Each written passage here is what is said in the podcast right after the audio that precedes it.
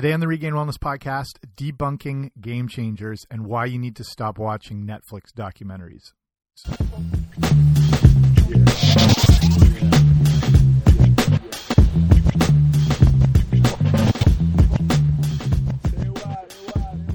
Hey there, what's happening? Welcome back to the Regain Wellness Podcast. I'm Jamie. I run regainedwellness.com. Thanks for coming on out today. I don't want to waste any time and get into all of this because there's a lot to cover.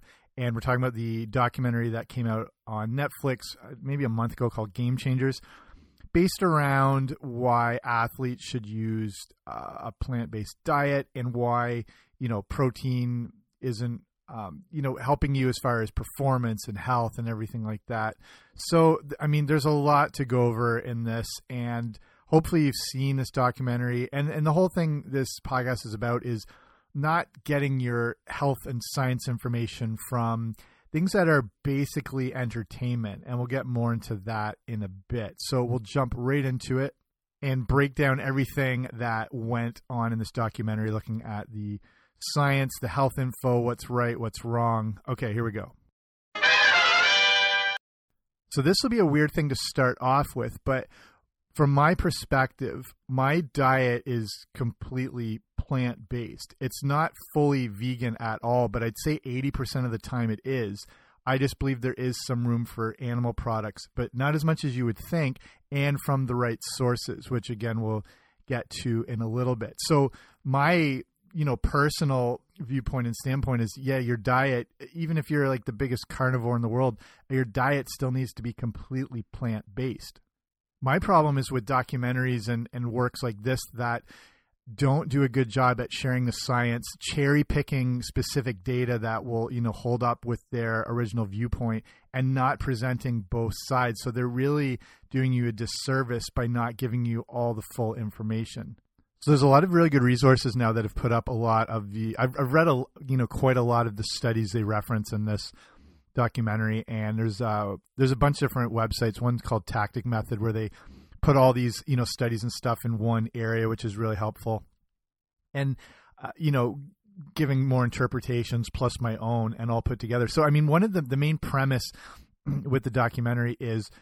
Uh, an athlete who's injured and he starts doing research on you know nutrition and getting to the the viewpoint that protein is not needed for energy for athletes as much as they think. And this is just like to me the first weird indicator because um, I, I I thought it was like basic even public school knowledge that protein is I mean it can work as an energy source. Your body has uh, an ability called gluconeogenesis where it can break down substances like protein and turn them into glucose for your body to run off of. So technically, you can run off protein, but I mean, protein, as we know, is you know for building and repair and not energy. And you know, though it can be used for energy, but it's also for like immune system uh, function.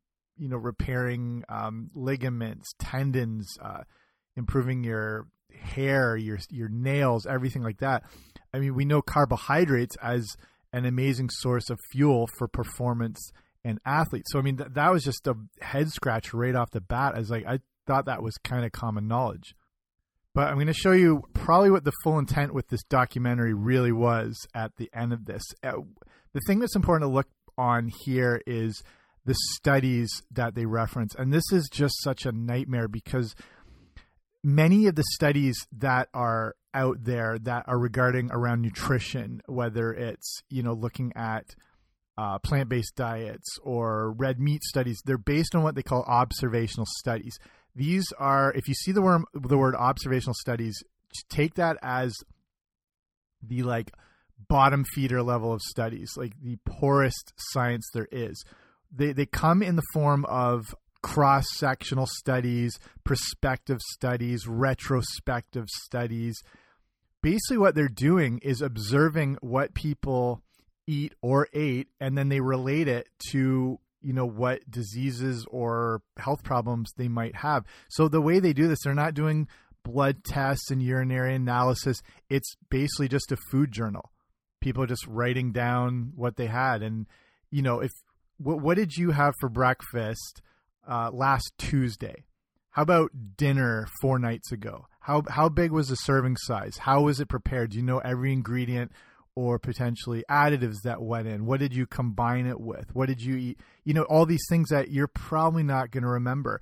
And a lot of the time when people are recording these things, they tend to you know estimate or they overestimate or they completely forget or they don't want their diet to seem as bad as it really is so they kind of downplay it a little bit this is what they're getting for their research to conduct these studies off of and then with all these different variables you can draw a lot of conclusions and the biggest thing if you're you know not wanting to go too deep and learning about how studies are published and conclusions is the big idea between correlation and causation. Causation means something directly caused whatever effect. Correlation means they're just kind of related. When you group all these things together, you can come up with them, come up with various conclusions. The problem is you can come up with insane conclusions. Just examples.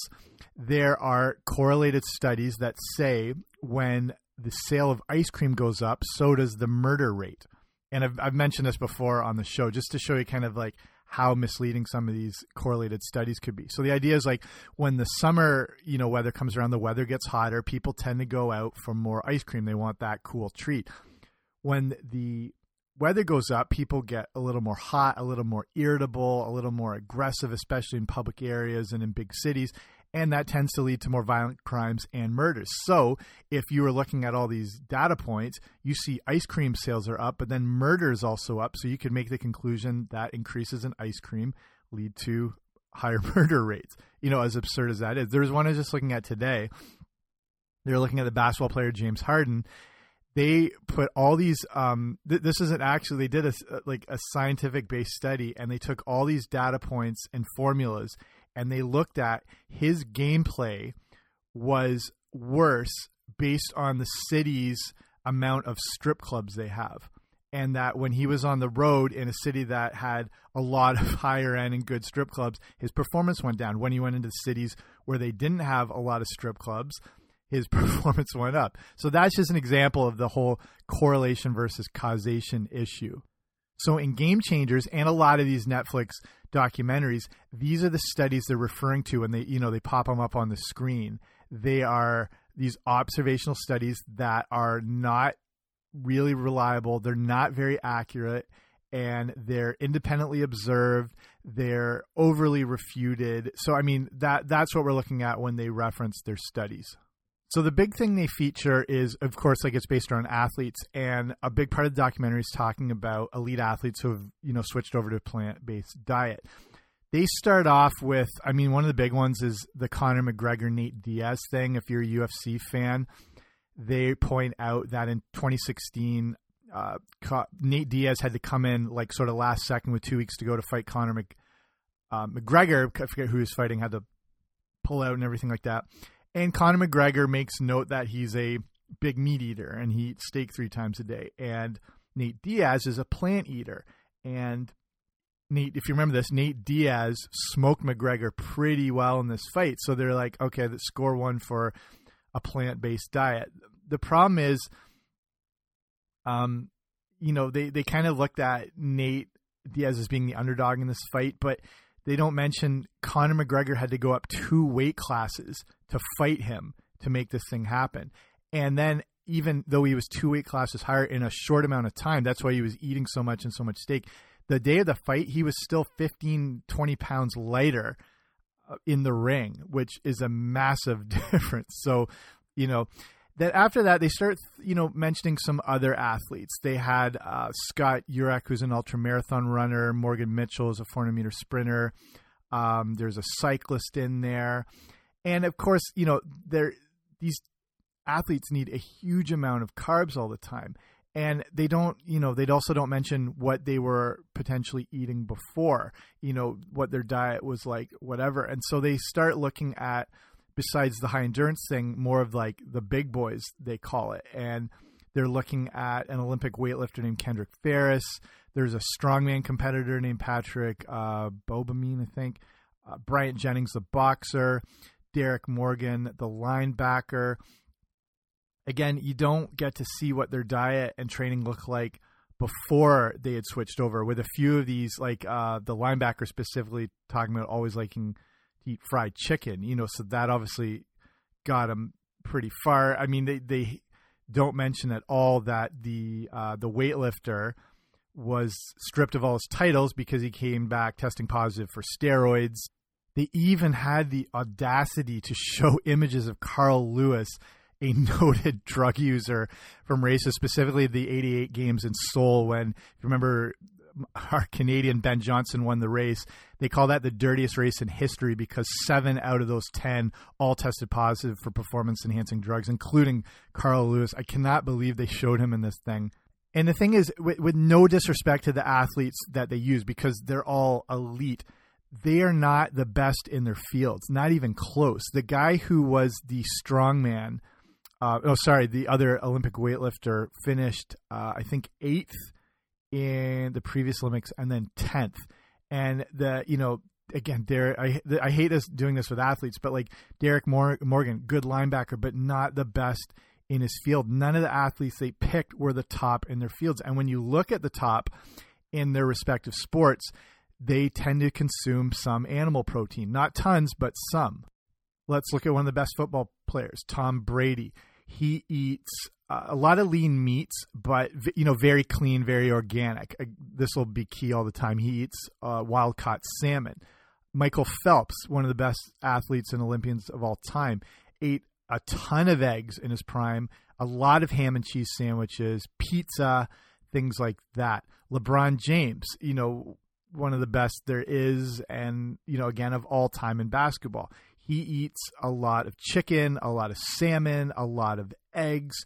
Sidney Crosby, who's you know one of the best hockey players of this generation, eats a lot of eggs, a lot of turkey bacon, but he keeps things you know very organic. Wayne Gretzky, the greatest hockey player of all time, and arguably the greatest athlete of all time when it comes to statistics and championships and he has more records in his sport than anyone in any other sport ever and all that sort of stuff. He ate you know his diet was a lot of um, you know standard meat and potatoes. He would sometimes eat four to five hot dogs before a game.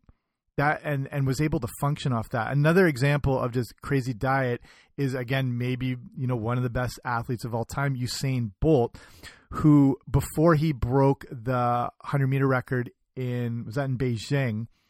The meal he had before that race chicken mcnuggets.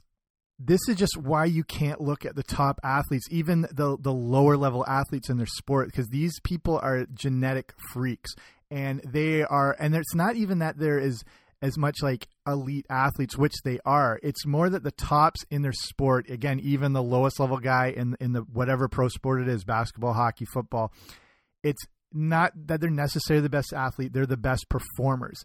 They can they they just have more mental capacity and ability to perform their sport and usually the top guys in every sport are usually one of the worst athletes like Wayne Gretzky the greatest hockey player of all time was small very weak could not bench press his own body weight had a very bad slap shot was a slow skater and dominated his sport like no one else in history and it's just it's kind of irrelevant with all of these guys and and girls and tops in their field. They are just at a different level that no one else can be. If you take the average pro sport, you've got maybe I know six to seven hundred athletes in the entire league, and that's out of the millions and millions that play around the world. The Olympic athletes that are in the finals, it's a handful of people. So it's using athletes in eh, the top athletes in any field is just never a good thing because if we're basing that on say Usain Bolt's diet, if I go out and eat 50 chicken or chicken McNuggets, I'm obviously not going to perform. It's a it kind of doesn't matter what Usain Bolt Bolt eats or guys like that or Tom Brady or Sidney Crosby because they just have this mindset and work ethic and and focus and mental clarity in their sport that makes them rise above everyone else. So here's a good thing from the tactic method that talks about the what they refer to in the documentary as protein quality of plants versus animals, and they argue in the movie that plant-based foods are higher quality and actually better uh, and more complete sources of protein than animal based foods. But when you look at the science, you know when they when they talk about a complete protein, that's one that contains all the essential amino acids in you know the right amounts. Incomplete proteins are either insufficient in, in, amounts of one or many essential amino acids, or they just don't have them at all. Animal proteins have all the essential amino acids you need to function and in the correct amount. So plants, on the other hand, do not. Well, there's some that you know contain all the essential amino acids. Thinking like quinoa just comes to mind is like a complete protein. You have to combine plants to ensure you're getting all the essential amino acids. And again, this isn't a big problem. Like I said, my diet is primarily plant based. So it just makes sure you have to combine a lot of things. So like um, rice and beans, just as an example, if you put those together, you know you're getting a, a, complete protein. So then they're talking about quality with regards to protein as it pertains to what they call bioavailability, and that's your body's ability to to digest something. And when they look at bioavailability of proteins, they use the egg as the kind of perfect gold standard of, of say 100 that's that means it's you know the best absorbed the best utilized everything like that. Say like a whey protein is like 108 that that's the bioavailability of that.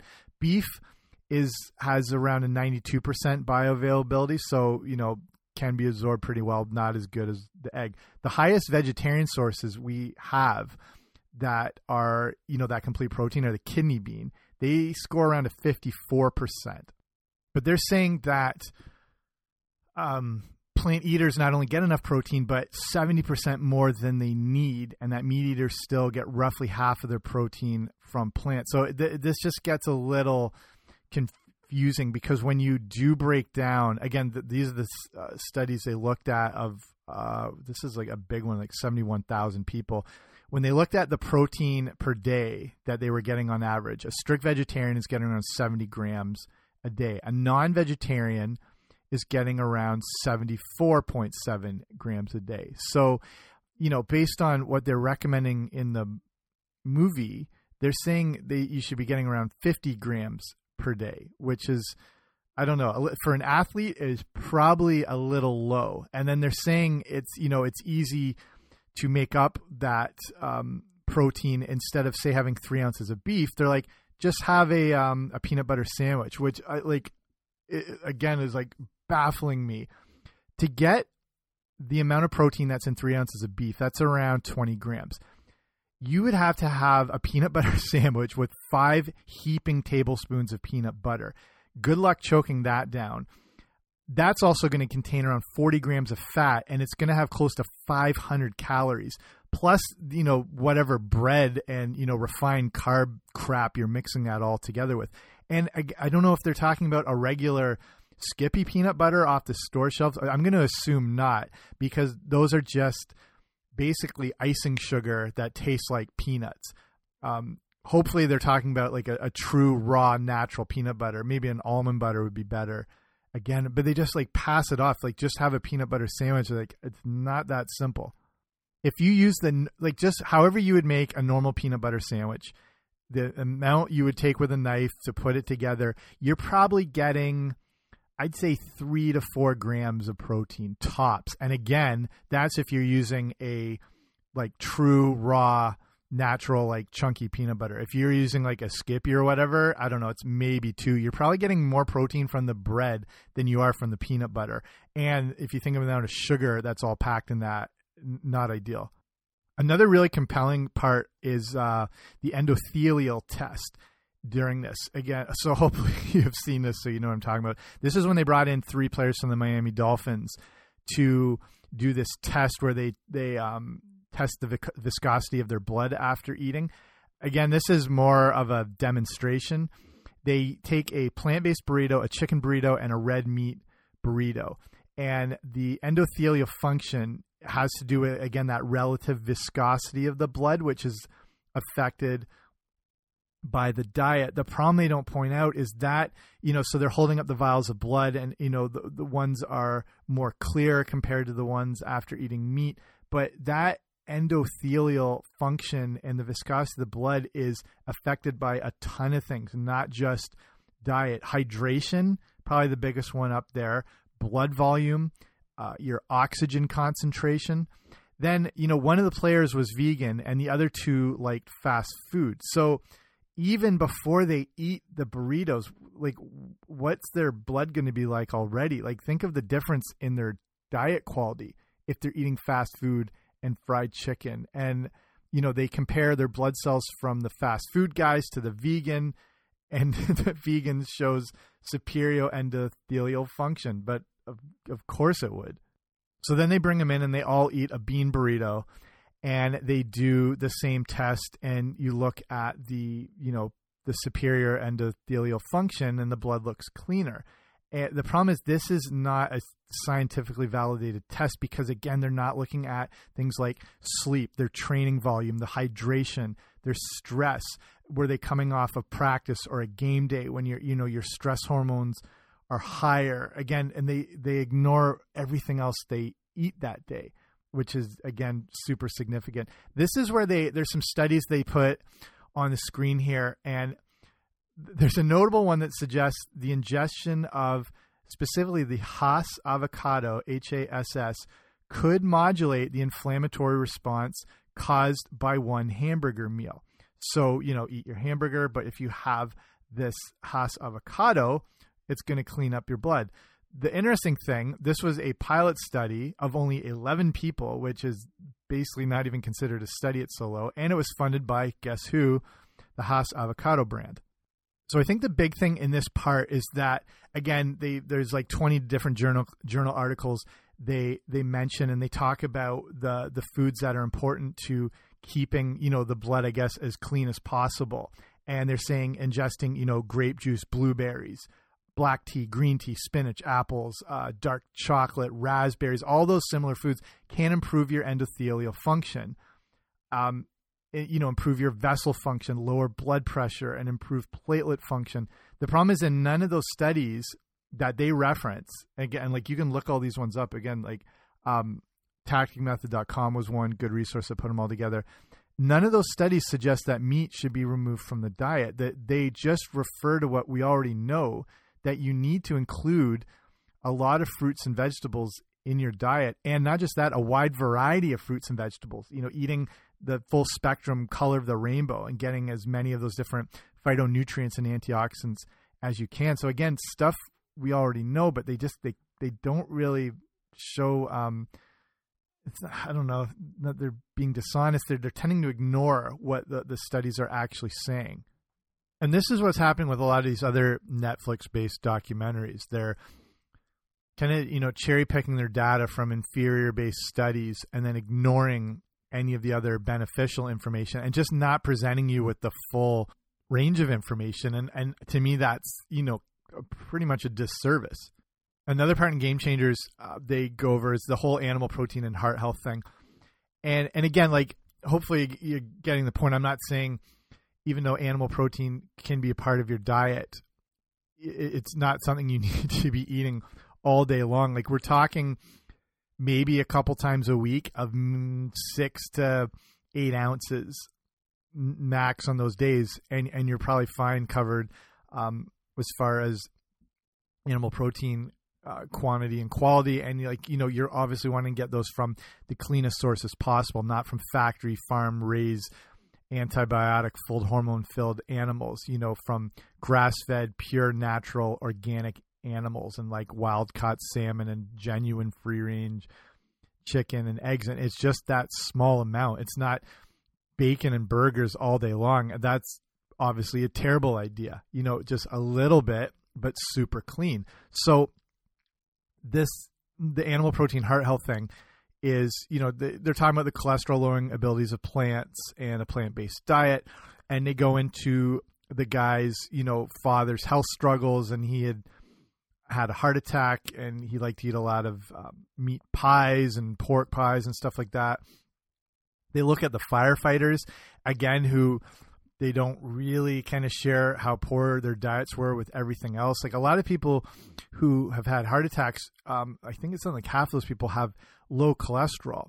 So there's other things going on. Like we're not looking at just the issue of the animal protein. There's a lot of other factors involved in health like that. And then and then the studies cited in this part of the documentary, they they acknowledge the positive effects that plant intake has on heart heart health, uh, specifically, you know, lowering those risk factors for heart disease. They just they did not specifically recommend us like stopping animal pro- protein intake altogether. And they didn't acknowledge the other factors that are ignored when they look at the connections again the correlations between animal protein and heart health. Like they're not looking at these people if they're smoking and a lot of them are. They're not looking at stress management. They're not looking at exercise this was a big thing in the uh, the China study. If you've ever seen Forks Over Knives, they were looking at the specific area of China where their you know heart disease and things like that were more prevalent. And again, they were taking their data based on all these observational studies and these food journals, and they were just looking at you know trying to connect the dots, and they're seeing oh animal protein intake, heart disease, and then boom, they connect that.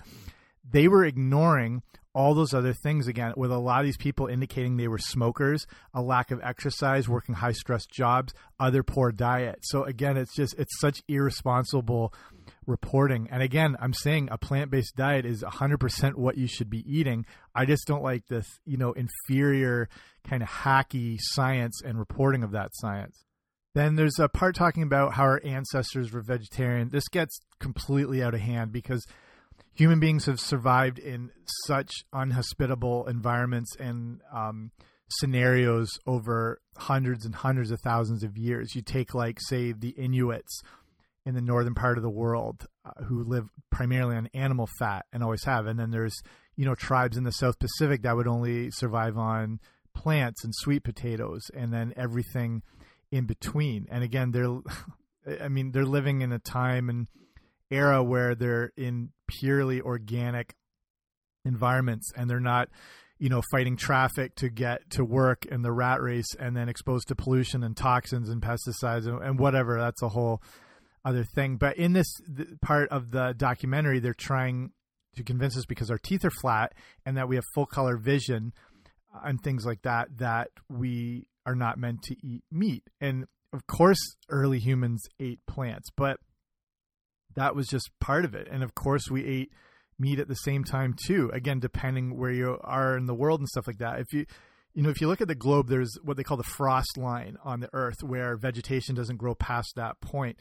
So, and then huge parts of, say, uh, northern Africa or China, where vegetation just hasn't grown. So you would have to hunt and things like that. And uh, these populations aren't hunting. You know, they're making weapons and partly you know survival battles, but they are you know finding in these. Go to one of the natural history museums. I mean, the New York one's probably one of the best, and and learning how the early humans um, grew and developed, and then you know finding the archaeological archaeological sites with animal bones and and stuff like that, and you know they're not hunting kale or apples, and then another thing we always forget with primitive ancestors and the Paleolithic ancestors, they would only have these say fruits or, or say fruits as an example only one time a year for this very short window.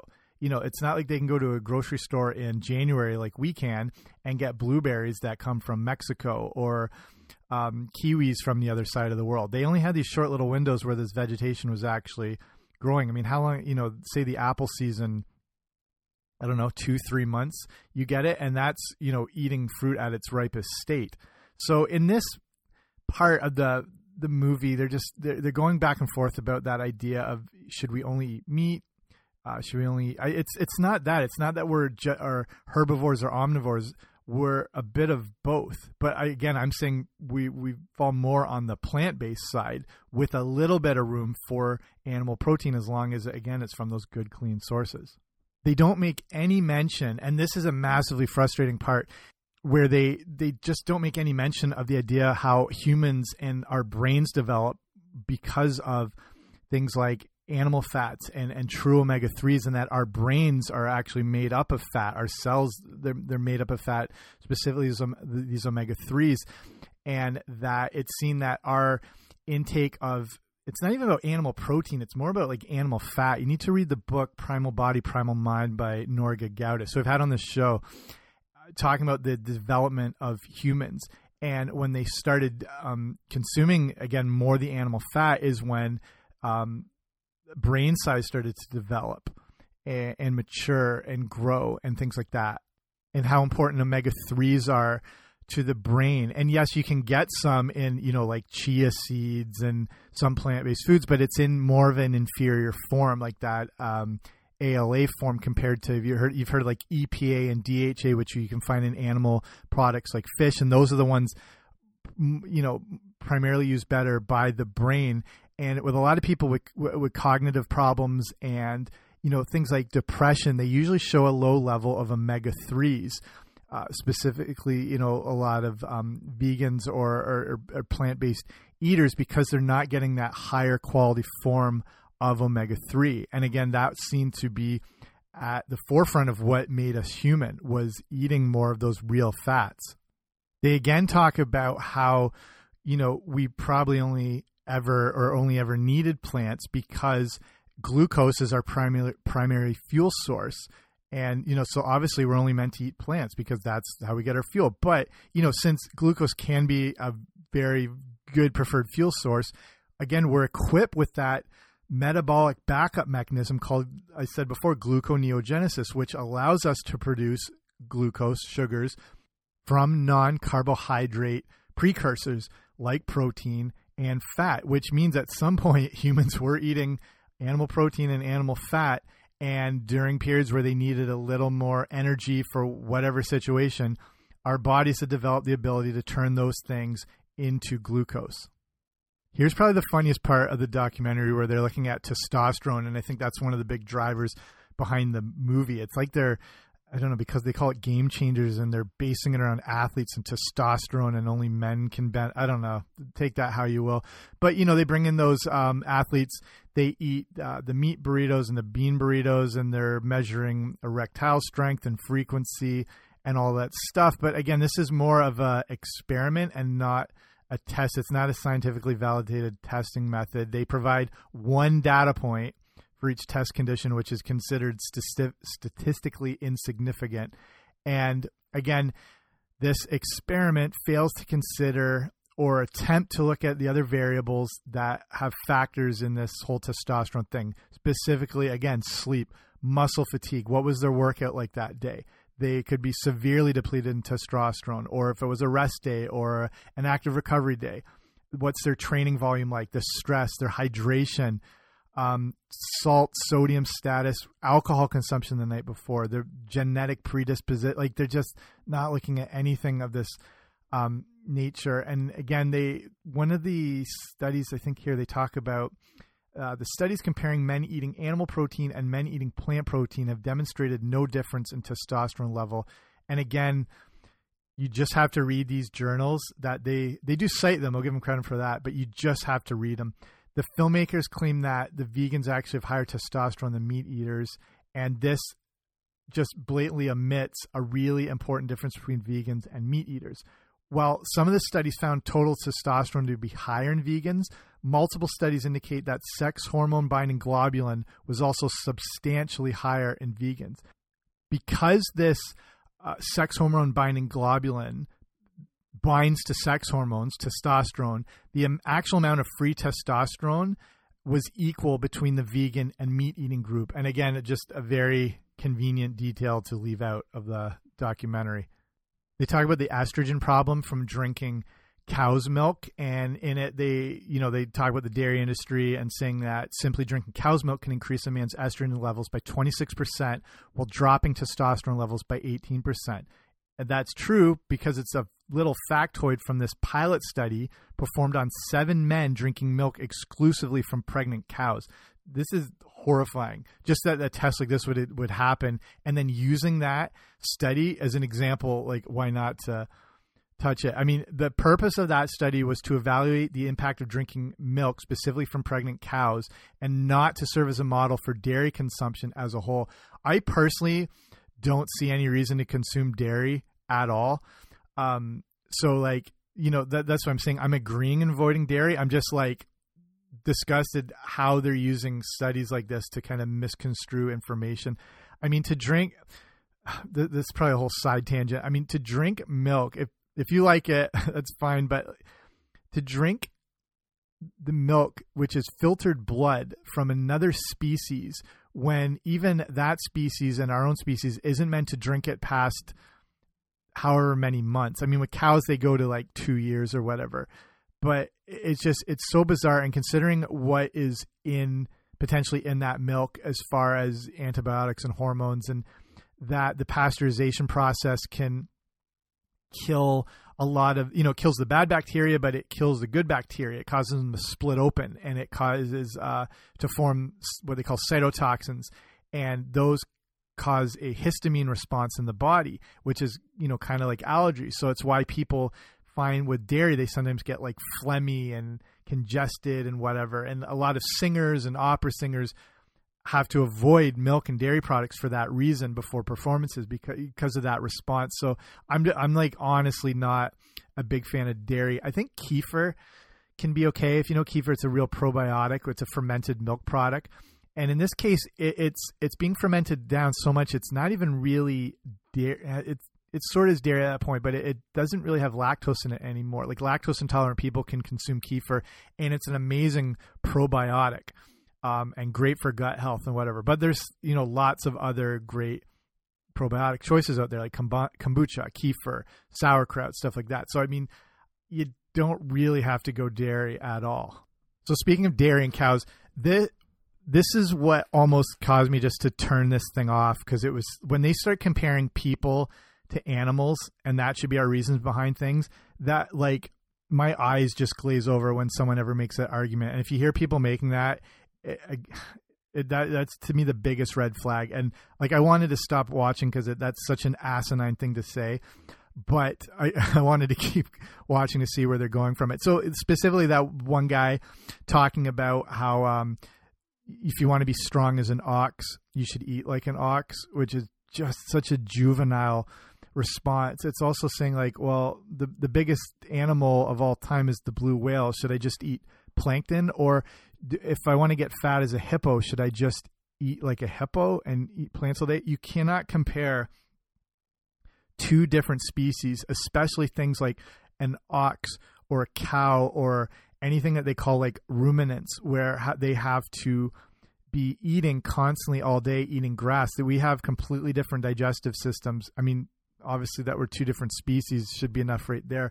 But when you look at say like an ox or a cow, or you know cows they have the four stomachs because they're constantly having to break down all this food because they're eating a very low calorie substance and, and grass and, and plants and stuff like that. And they actually like in the case of the ruminants and cows they they have this um, bacterial fermentation digestive system which is breaking down these plant substances actually into fatty acids. So their bodies are technically running on fat. We have a hydrochloric acid based digestive system, which is um, much more acidic and meant to break down peptides and proteins and, and fats like that. So, like to compare two different species with two different digestive systems, and it's just un- unbelievable. And then talking about like a gorilla, how a gorilla eats plants and will f up a human. Of course it would. When you look at the relative size and strength, it's the equivalent of like um, me saying I'm I could f up that 14 pound puppy. You know, when you're looking at the size disparity. Same thing with gorillas; they have a much much longer um, large intestine and colon because of the having to break down these plant based materials. We don't have that. They're eating upwards of 60 to 70 pounds of plants a day.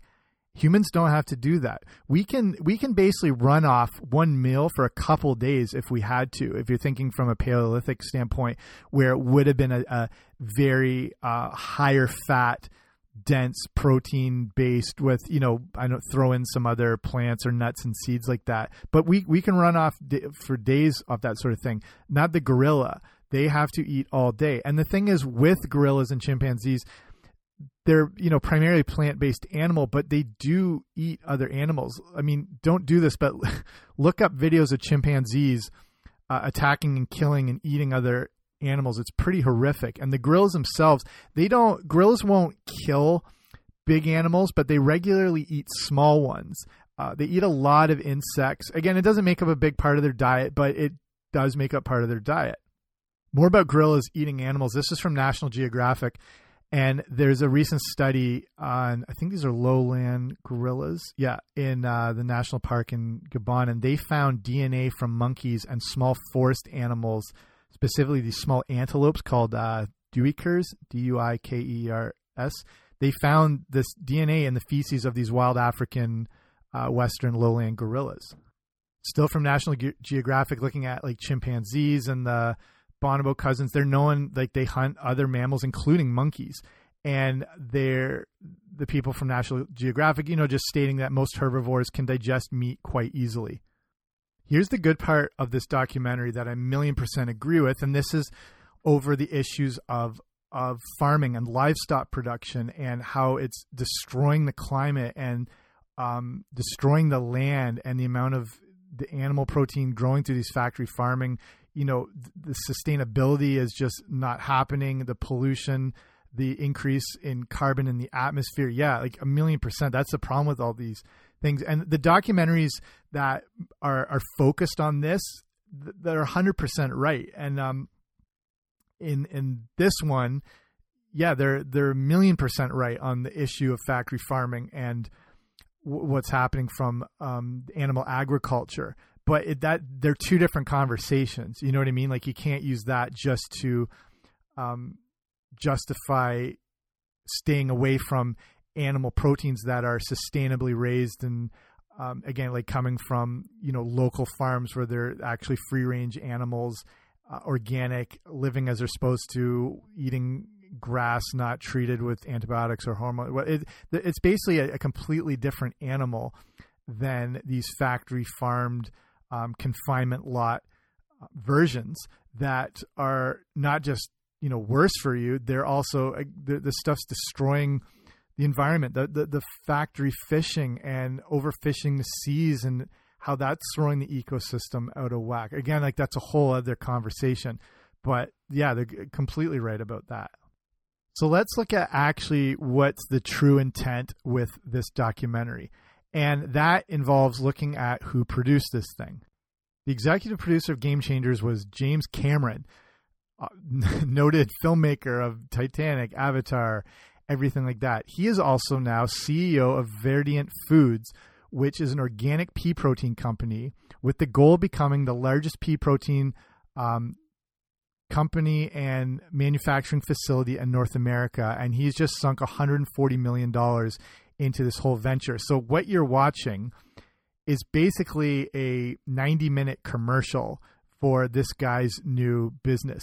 After that, his wife, who's also who played uh, the old woman's mother in Titanic, that's James Cameron's wife. She's an executive producer. She founded Verdient Foods. Um, they looked at, say, Arnold Schwarzenegger, ex meat eater, whatever, very passionate vegan, also has interests in things like this. Pamela Anderson, I think, is one of the producers somehow, um, who has a plant based protein interest. Even the medical professionals interviewed in this documentary sell vegan products. So, Dr. Dean Ornish, he's the author of Undo It. He leads vegan retreats and sells programs. Um, the doc, the doctor, the, the testosterone stuff. He has a plant based book he's selling. Um, Aaron oh wait, Robert Vogel. He's selling a book after this. Um, Dr. Caldwell Esselstyn sells a cookbook and DVDs. Dr. James Loomis has a plant based meal planning service sort of company. And I don't want to call this like propaganda, but the whole thing is based around James Cameron's um, new pea protein co- company and all the money he's sunk into it. So a bit of a conflict of interest there. And you know hard to take at face value when they're going to only find and use um, points that support what's in their best interest which is you know these money making ventures. The problem is like this thing could have been done so much better and um, you know include a little bit of you know just the, the the science and the reasoning behind some use or benefits of only the right type of animal protein products, but put this all together and still show the benefits of a plant based diet, but just present all the information. You know, don't be shady about it. Even just the whole connection, the guy who sort of hosts this movie, uh, James, was it Wilks?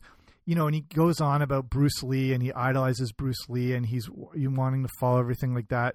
Bruce Lee used to eat a ton of organ meats, and that was his um, kind of. Used them as uh, like a natural high mineral multivitamin. He ate a ton of vegetables and a ton of plant based things, but he ate a lot of steak and again like liver for his you know go to organ meat. He ate beef and oyster sauce. So how much are you supposed to replicate the guy you idol? You know what I mean? It's just it's just all this kind of mess and combination of information and disinformation in the same spot. So let's cut it off there. It's probably a lot to digest. But again, you know, use this as sort of your own jumping off point and, and do your own research because all this stuff is out there. The problem is it takes work to go through. So that's why things like like these Netflix documentaries or reports you see on TV, they can just grab these quick little headlines and stuff, uh, knowing people aren't going to go deeper into it, and they're just not presenting all the information. So that uh, you know, again, as much as my diet is plant based, um, and you know, probably vegan 70 to 80% of the time as a um, nutritionist and someone who just studies this stuff I, it, I just despise seeing this kind of bush league uh, you know type research and presentation of scientific scientific information which is just masquerading again as James Cameron's little um, project commercial to support his new business Okay, so again, thanks for listening. hopefully, you like this, and it encourages you to uh, you know, be more proactive with your own health and finding out inf- relevant information and digging through things and not being complacent, which is, you know, the the damage that happens for a lot of people. It, it, it takes work to be healthy. You know, um, if, if it if it was easy, everyone would be healthy and fit and have a perfect diet. But it's just as we have more access to more information, we get even more disinformation and it's hard to sift through it all. So hopefully this helps a little bit and, you know, eventually you draw your own conclusions to everything. But thanks for listening, um, taking the time to listen to the show. If you like it, subscribe. I should be everywhere that you find podcasts, but I will talk to you again soon. Bye.